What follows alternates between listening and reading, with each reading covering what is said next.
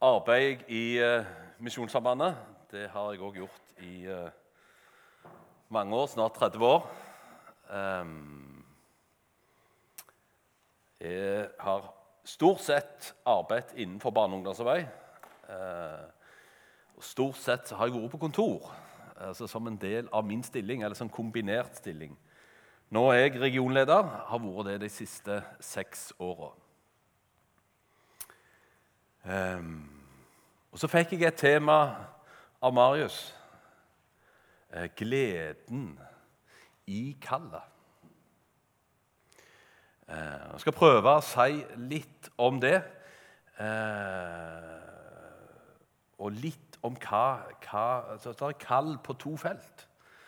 Ehm, for det er noe med grunnkallet, og så er det noe med kallet i tjenesten i de tinga. Eh, men jeg tror vi skal fortsette å be litt i sammen. Vi takker deg, Herre Jesus, for det at du er allmektig.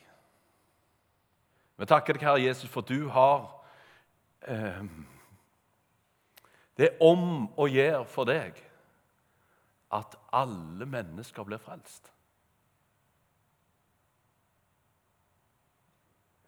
Vi takker deg, Herre Jesus, for at du eh, er her. Og vi takker deg for at vi skal få lov å venne oss til deg. Og så står vi i et sånt avhengighetsforhold til deg. Og så ber vi òg om at vi må være der. Der at vi trenger deg.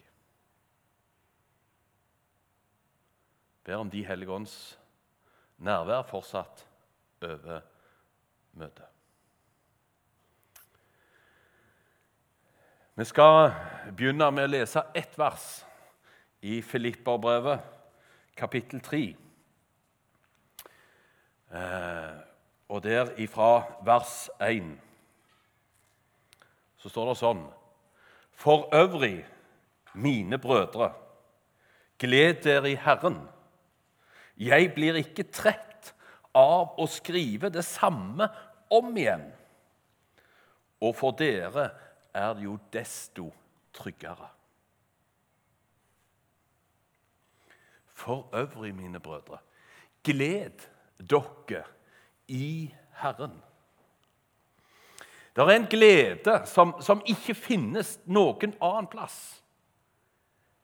enn i Herren. Det er noen ganger vi tenker det at hva, i morgen er det 8. mai, frihetsdagen. Um, og vi tenker noen ganger hva er frihet? Hva er frihet? Um, I min ungdom så, uh, så, så, kunne en på mange måter en kunne se uh, jeg, jeg, hadde jo ingen dame. Jeg kunne velge. En frihet. Der alle sto jo i kø, ikke sant? Jeg kunne velge. Eh, men det var den gangen når, når Mariannes, meg og hun ble et par. Det var da jeg kjente meg fri. Det var da jeg fikk hvile. Meg og hun, vi har blitt ett.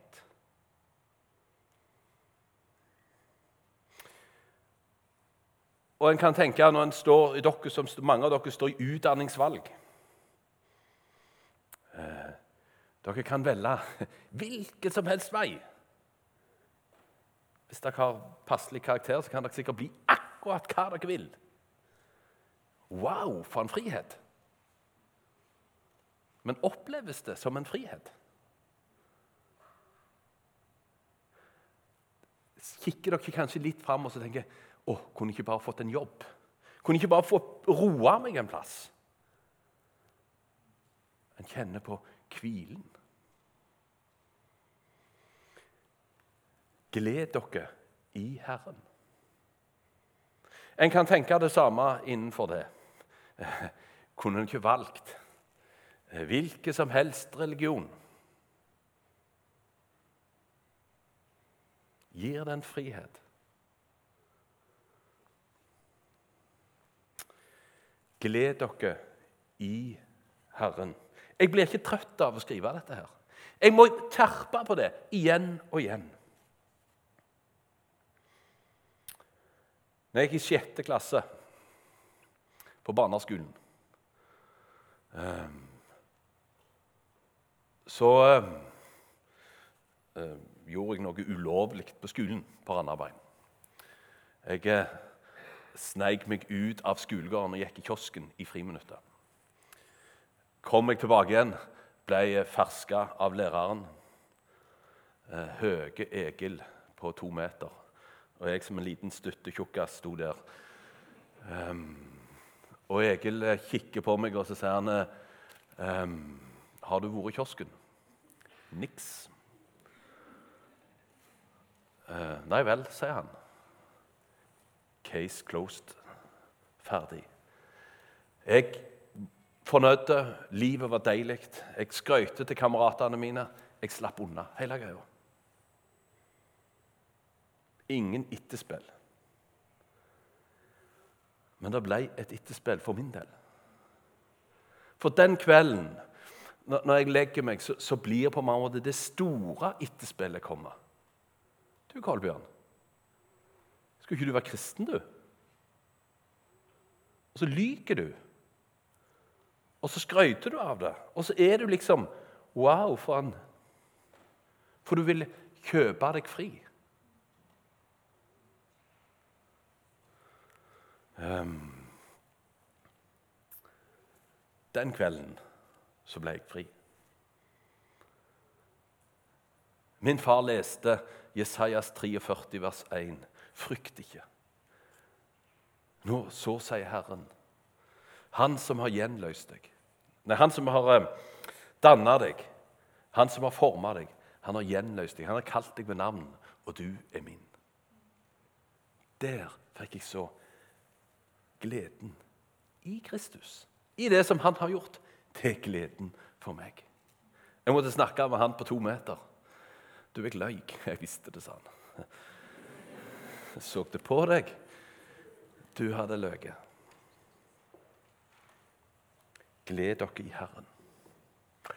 Så er det andre ting vi ofte vil trekke fram når vi har grunn til liksom Se på meg.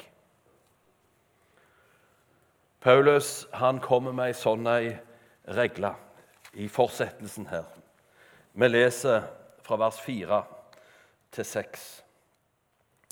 Skjønt jeg har saktens det jeg kunne sette min lit til, også i kjøtt. Om noen, mener, eh, noen annen mener å kunne sette sin lit til kjøtt, kan jeg det enda mer. Jeg er omskåret på den åttende dag. Jeg er av Israels ett, av Benjamins stamme, en hebreer født av hebreer. I forhold til loven en fariseer. I nidkjærhet en forfølger. Av menigheten i rettferdighet etter loven ulastelig. Wow. Jeg har behandla noen søknader, noen jobbsøknader.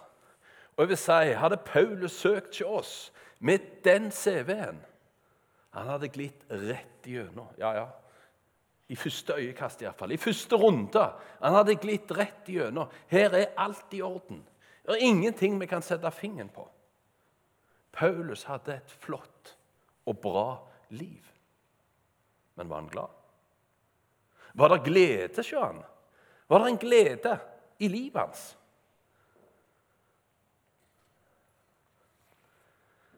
Um, jeg vet ikke hvordan du har det.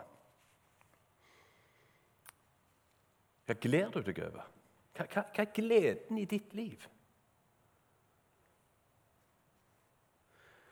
Eller hva, hva Hvis folk spør deg hvorfor er du en kristen, hva svarer du da? Eller hva er grunnlaget ditt for å være en kristen?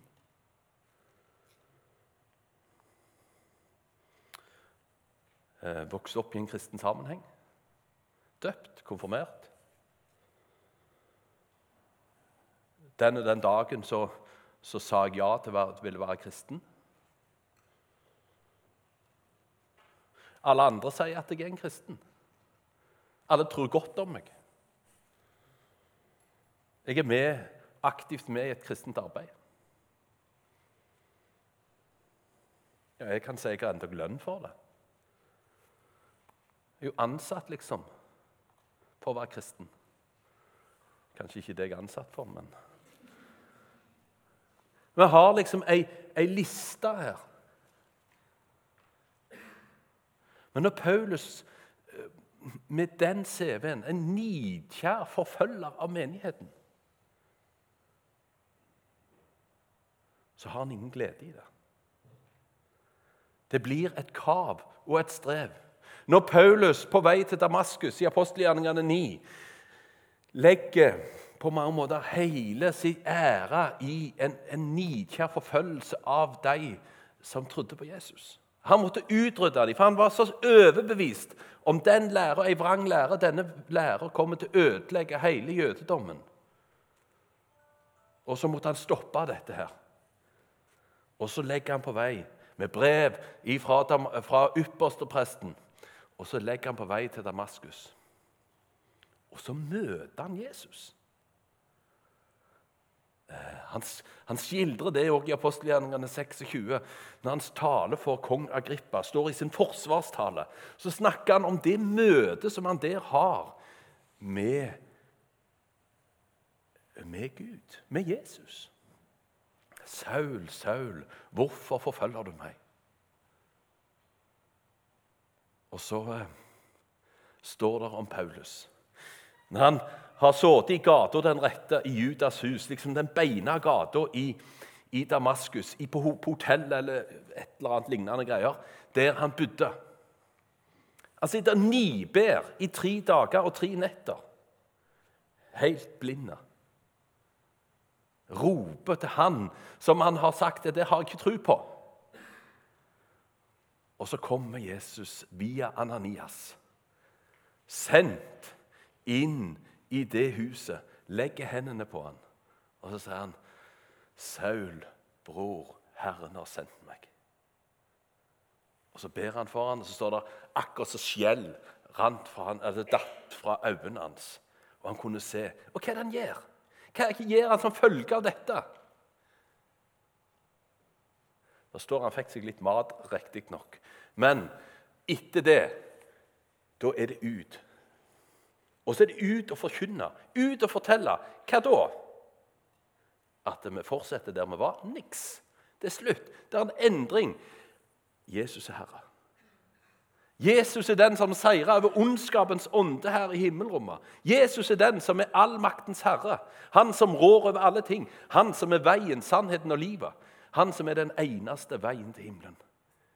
Hva var det Paulus forkynte på alle sine reiser? Jo, nettopp dette budskapet. Det forandrer han totalt ifra å være en forfølger til å bli en disippel av Jesus. Gleden. Han kan ikke holde opp med å forkynne gleden. Og hele hans CV Alt skrøytet, sier han, har null verdi betyr ingenting.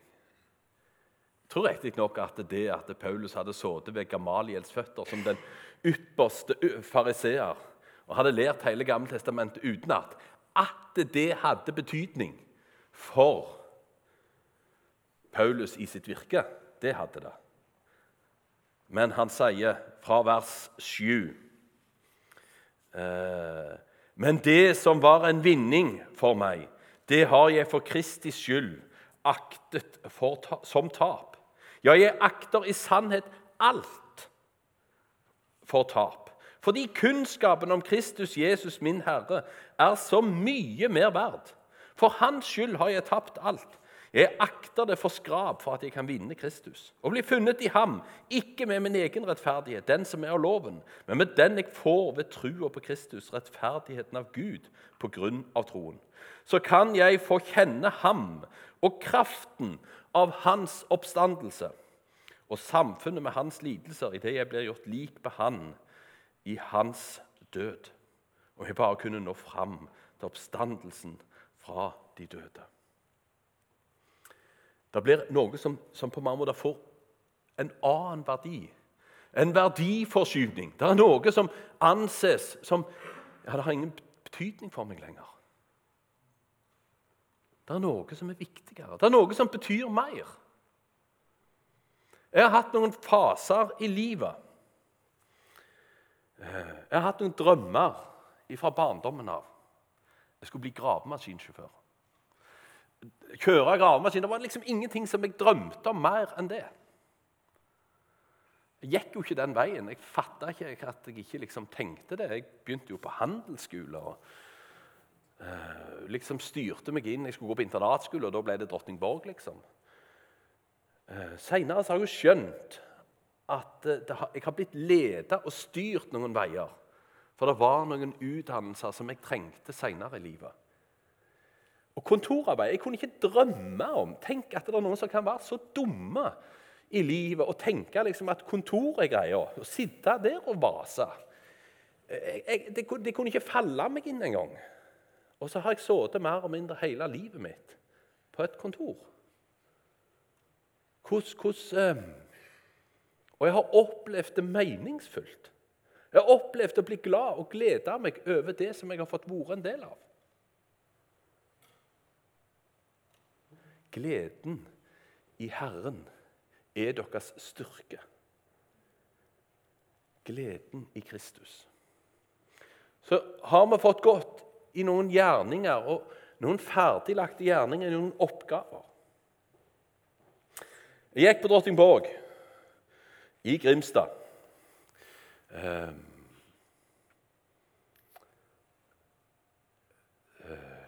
Hadde liksom, jeg hadde aldri sagt et ord offentlig. Det vil si, jeg hadde hatt én åpning på et yngresmøte én gang. Og da tror jeg rett og slett mest at jeg datt i bakken. For det at jeg husker ennå han lederen måtte opp liksom og eh, holde meg og hjelpe meg ned, for jeg var så nervøs.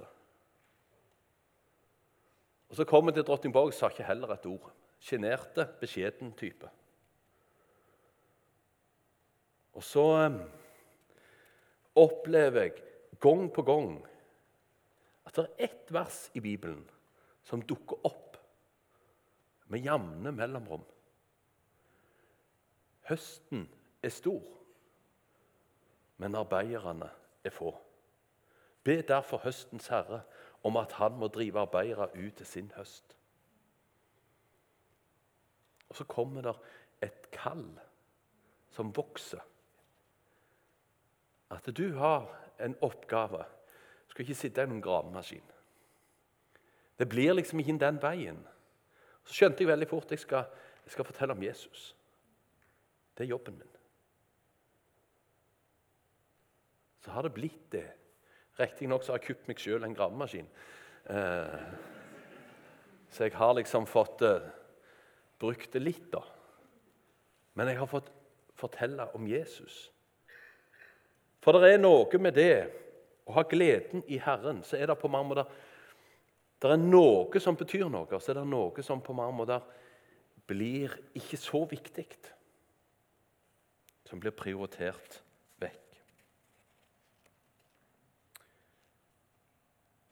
Um,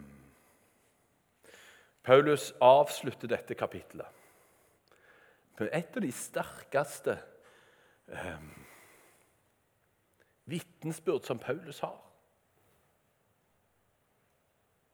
Nå ser vi nerver i Paulus sitt liv. Når han da, fra vers 18 i samme kapittel, så skriver han For som jeg ofte har sagt dere, og nå igjen sier med tårer mange vandrer som fiender av Kristi kors. De ender i fortapelsen. Deres Gud er buken, og de setter sin ære i sin skam. De trakter bare etter jordiske ting. Men vi, vi har vårt hjemland i himmelen. Derfor venter vi også Herren Jesus Kristus som frelser. Han skal forvandle vårt fornedringslegeme og gjøre det likt med sitt herlighetslegeme ved den kraft han har til også å legge alle ting under seg. For som vi ofte han begynte med, det er noe som han gjentok. Gled dere i Herren. Og så kommer den andre sida av dette. Smerten i det å ha fått sitt gleden i Jesus. Er det at det er så mange Jeg har drista meg til å lese det verset. De fleste vandrer som fiender av Kristi kors. De fleste.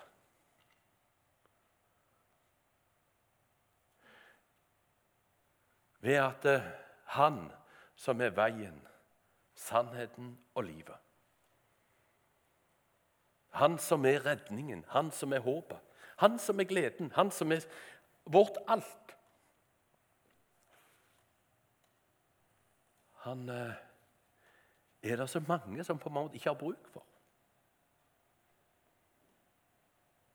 Og Det var Paulus sin, sin smerte. Han skriver i Romerbrevet 10, vers 1, så ofte som um, Nei, mitt hjertets ønske, sier han. Mitt hjertets ønske og min bønn til Gud for dem er at de må bli frelst. En annen plass sier han eh, at det, det, er liksom Det er om å gjøre for at mennesker må bli frelst og komme til sannhetserkjennelse. Han som vil at alle mennesker skal bli frelst. Og så er det i den sammenhengen og i den settingen vi er plassert. Jeg har vært plassert nå i snart 50 år.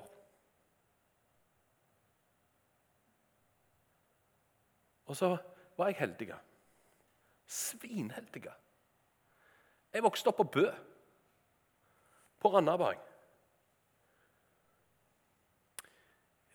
I de første årene på skolen eh, så var vi 17 elever. Eh, og av de så var det tre som ikke kom fra kristenheim.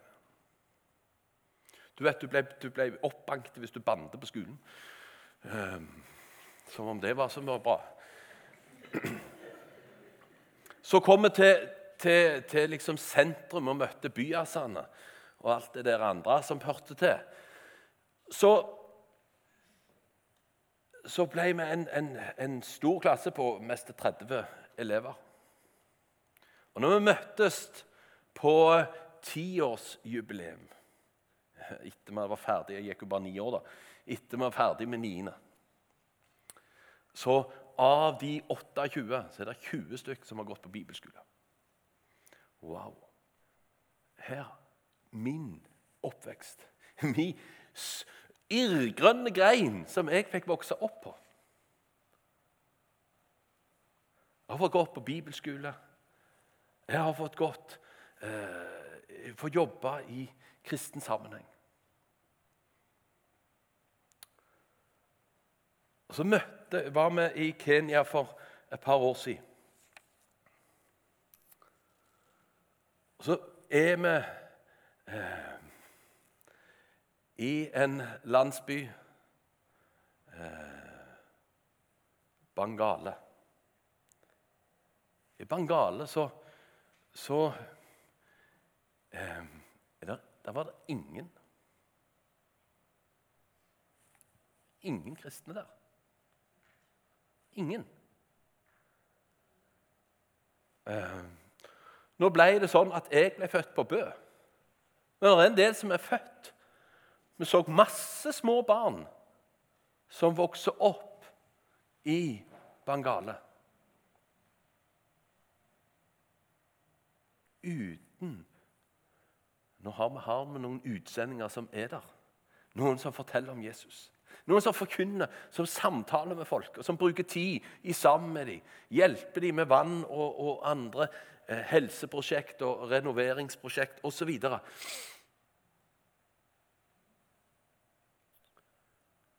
Men eh, det er mange sånne i denne verden. De fleste. Og så sitter vi med den begeistringen, den gleden som vi får lov. Og så får vi lov å forkynne dette videre. Og Så møtte vi noen på den, vår tur der. og fått erfart igjennom livet den gleden av å få være der som Jesus vil du skal være. Det fins ikke noen bedre plass å være enn det. Å få møte mennesker som går over fra mørke til lys, som endrer totalt.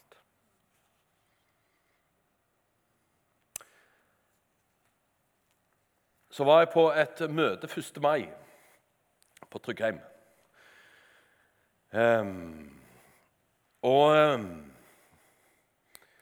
uh, Jon Hardang, kanskje noen har hørt det navnet. Eh, han talte over et emne som snakket om når, når fiskeren ikke fisker lenger. For kallet, det kom ifra Gud. For Jesus sa 'følg meg', som kjernen i hele kallet til tjeneste. Så sier han 'følg meg'. Og så sier han som følge av å følge han, så sier han, så vil jeg gjøre dere til menneskefiskere. Og så sier da han eh, Jon Hardan, hva, hva skjer med en menneskefisker som slutter å fiske? Hva skjer da? Og Så kommer han med fire ting som skjer. Det første det sier han at hovedsaken den, den blir mindre viktig. Eh, når målet blir borte, blir delmålene viktige, sier han. Alt, alle skal bare trives og det blir miljøsak, og det blir andre for så vidt viktige ting som blir viktigst. Men eh, hovedsaken det er at mennesker må få møte Jesus. Det at en må forkynne evangeliet om han, det blir liksom ikke så viktig. Og så sier han det neste er at vi blir utakknemlige og kritiske. Og så blir vi mer opptatt med minner istedenfor drømmer. Det blir mer opptatt av sånn som det som har vært i livet.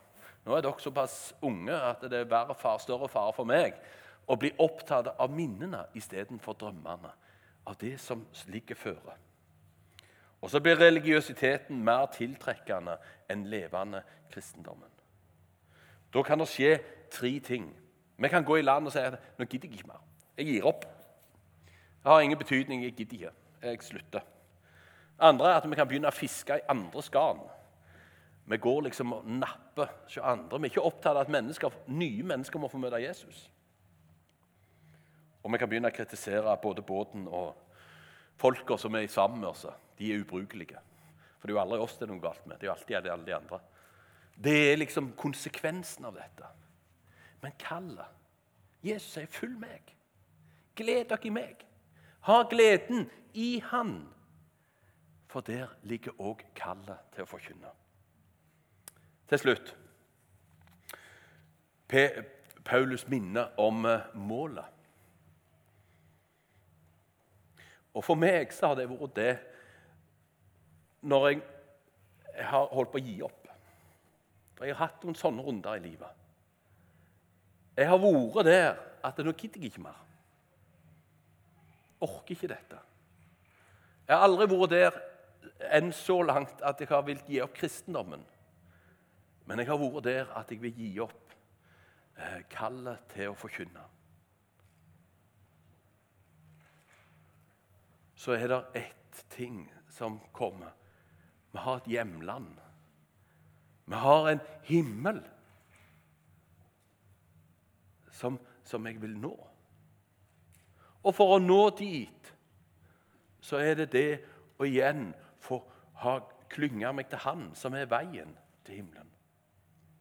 Så kan det skje ting i mitt liv som gjør at jeg blir sett til side og ikke kan eh, stå i den tjenesten. Men kallet forsvinner ikke for det.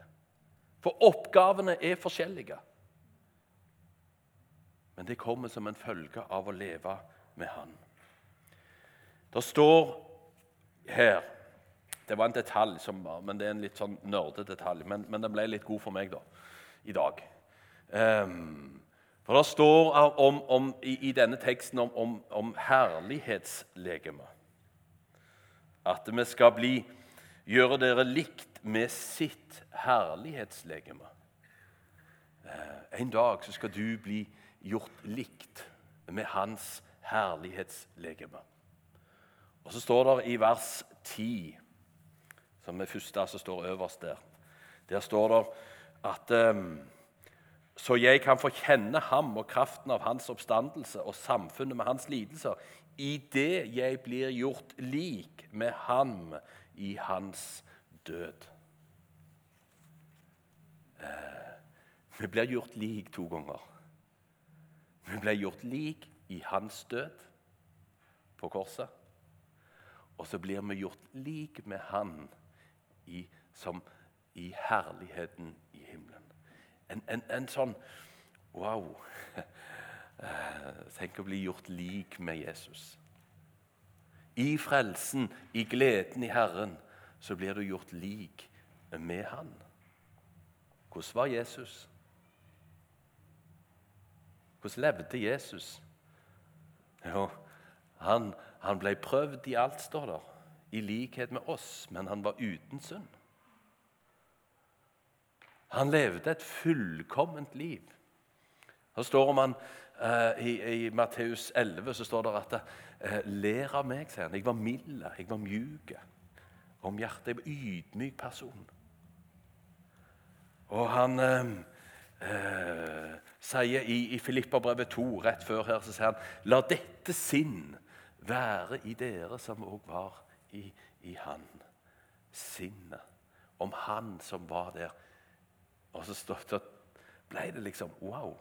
Jeg blir gjort lik med Han i Hans død. Og så lever vi ennå her, med de utfordringer som livet byr på. Men vi er gjort lik med Han. Alt vårt er lagt på Han. Og så når vi da himmelen, saligheten, gleden. Og så blir vi fullkommen gjort lik med Han i herlighet. Hjemland i himmelen. Jeg kjenner dere ikke alle. Noen kjenner jeg. Eh, men jeg kjenner, ikke, jeg kjenner dere ikke sånn. Og kjenner ikke eh, Hvordan har du det? Hvordan har du det i ditt liv? Kan du si 'Gleden min, den er i Herren'? Hvis ikke du kan si det, og ønsker å være en kristen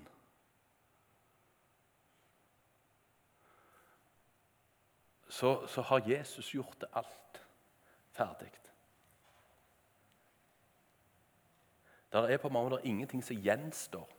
Av og til så tenker vi sånn jeg må, jeg må ordne opp i det. Jeg må fikse det i livet. Og så må jeg fikse opp det.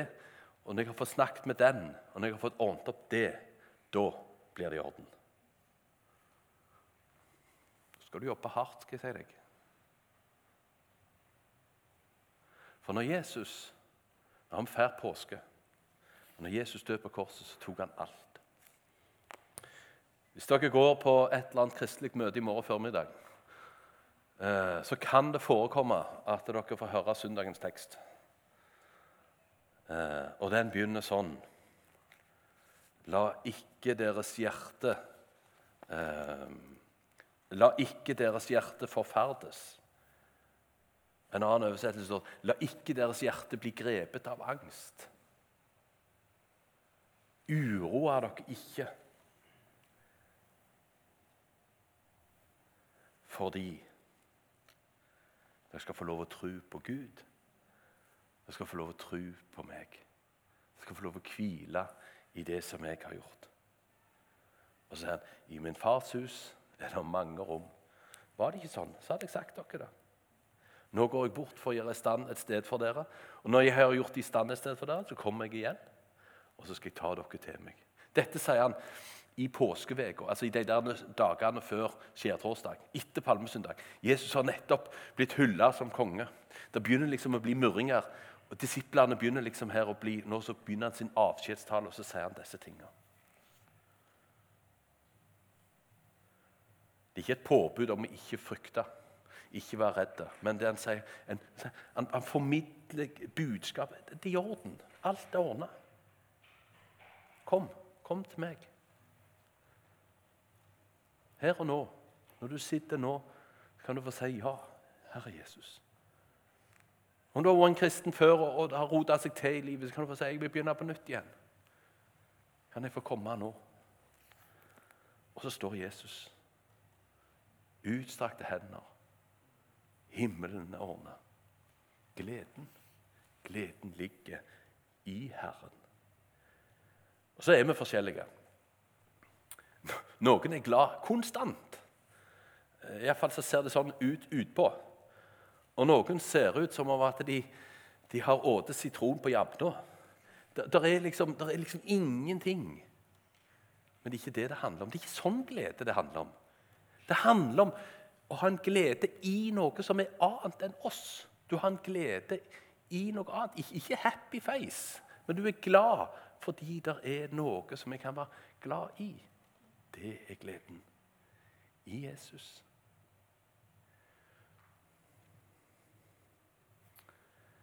Vi skal ha, for å ha nattvær i dag. Og få komme og få ta imot det mektigste som Bibelen forkynner, nemlig syndenes forlatelse. Tilgivelse. Og få ta imot Han som kom. Takk, Herre Jesus. Takk for at du er sånn mot hver enkelt at du vil at alle mennesker skal få møte deg. Du vil at alle skal bli frelst. Du vil at alle skal få møte deg. Og vi ber, kjære Jesus, for oss som er samla i dag Du kjenner oss, du vet om oss. Du vet hvordan hver enkelt her har det. Du vet hvordan vi har det på innsida på den innsida som ingen andre enn knapt oss sjøl vet om, Herre Jesus. Det som vi syns er vanskelig, det vet du om. Du ser det, du kjenner det. Og vi skal få lov å komme til deg òg med det. Og så er du den som har tilgitt all synd. Alt er ordna. Vi ber, kjære Jesus Om det er noen her i dag Du må eh, vise deg, Herre Jesus. At de får se og få hvile i det som du har gjort.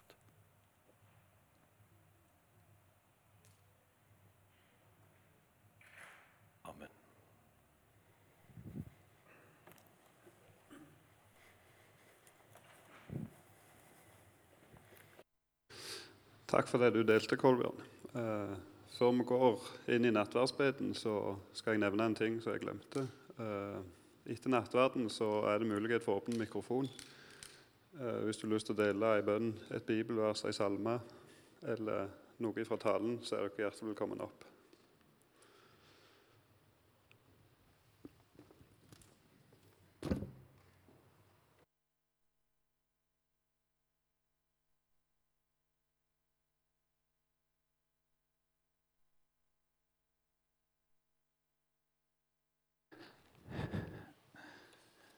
Tusen takk, Kolbjørn, for de eh, utrolig viktige og livsgivende sannhetene som du deler med oss. Jeg skjønner det var ordentlig styrkende faktisk å lytte til deg. Så tusen takk. Nå skal vi eh, få feire nattverd sammen. Tenk for en glede. Vi kan få konkret ta imot det som Kolbjørn nå har sagt. Nattverden er for det første et minnesmåltid. Vi minnes hva Jesus har gjort for oss. Vi minnes hans kropp som ble brutt, hans blod som ble utøst. Og så er det også et fellesskapsmåltid. Det er noe vi gjør, gjør sammen. Eh, og det knytter oss sammen tror jeg, som brødre og søstre. Ikke bare oss som er her, men også alle andre rundt omkring i verden som deler nattverden. Og så er det også et forsynelsesmåltid. Det står at, at, når vi gjør det, så forsyner vi Herrens død inntil han kommer. Eh, så det, det, det forsyner noe om hva Jesus har gjort. Og så er det til sist en forsmak på det store festmåltidet som vi skal ha i himmelen sammen. Og der håper jeg vi ses alle sammen. Så det er en fest. Og det vil jeg at vi skal ta inn over oss. Det er en festdag. Um, men mest av alt i nattverden så får vi helt konkret ta imot nåde og tilgivelse i form av brød og vin. Og vi får komme med tomme hender og ta imot alt det vi trenger for å bli frelst. Og Nattverden er for deg som har Jesus som herre og som frelser i livet. Praktisk hvordan vi skal gjøre det her i Salem, er at først de som sitter her på første rad, som er i en tjeneste, og de som er teknikere, de kan komme frem. Og så begynner vi bakerst, og så står vi i en kø i midtgangen. Så går dere i en sånn sirkel og står her, og så kommer vi til å gi eh, brød og vin på hver side frem til midten. Og dere står hele tida, men tar når dere får.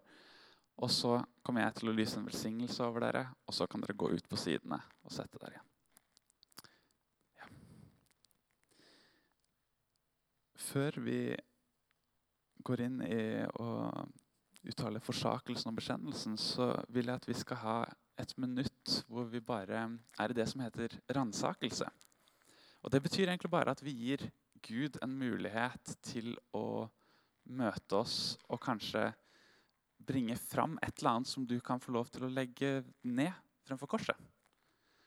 Eh, så vi rett og slett ber Gud om å, om å møte oss og, og, si er det et eller annet i mitt hjerte som ikke er godt. Er det et eller annet som jeg ikke har bedt deg om tilgivelse for? Et eller annet som jeg bærer på, som ikke jeg skal bære på. Og så kan vi få lov til å legge den ned for han. Så la oss bare ha et minutt i stillhet fremfor Guds ansikt.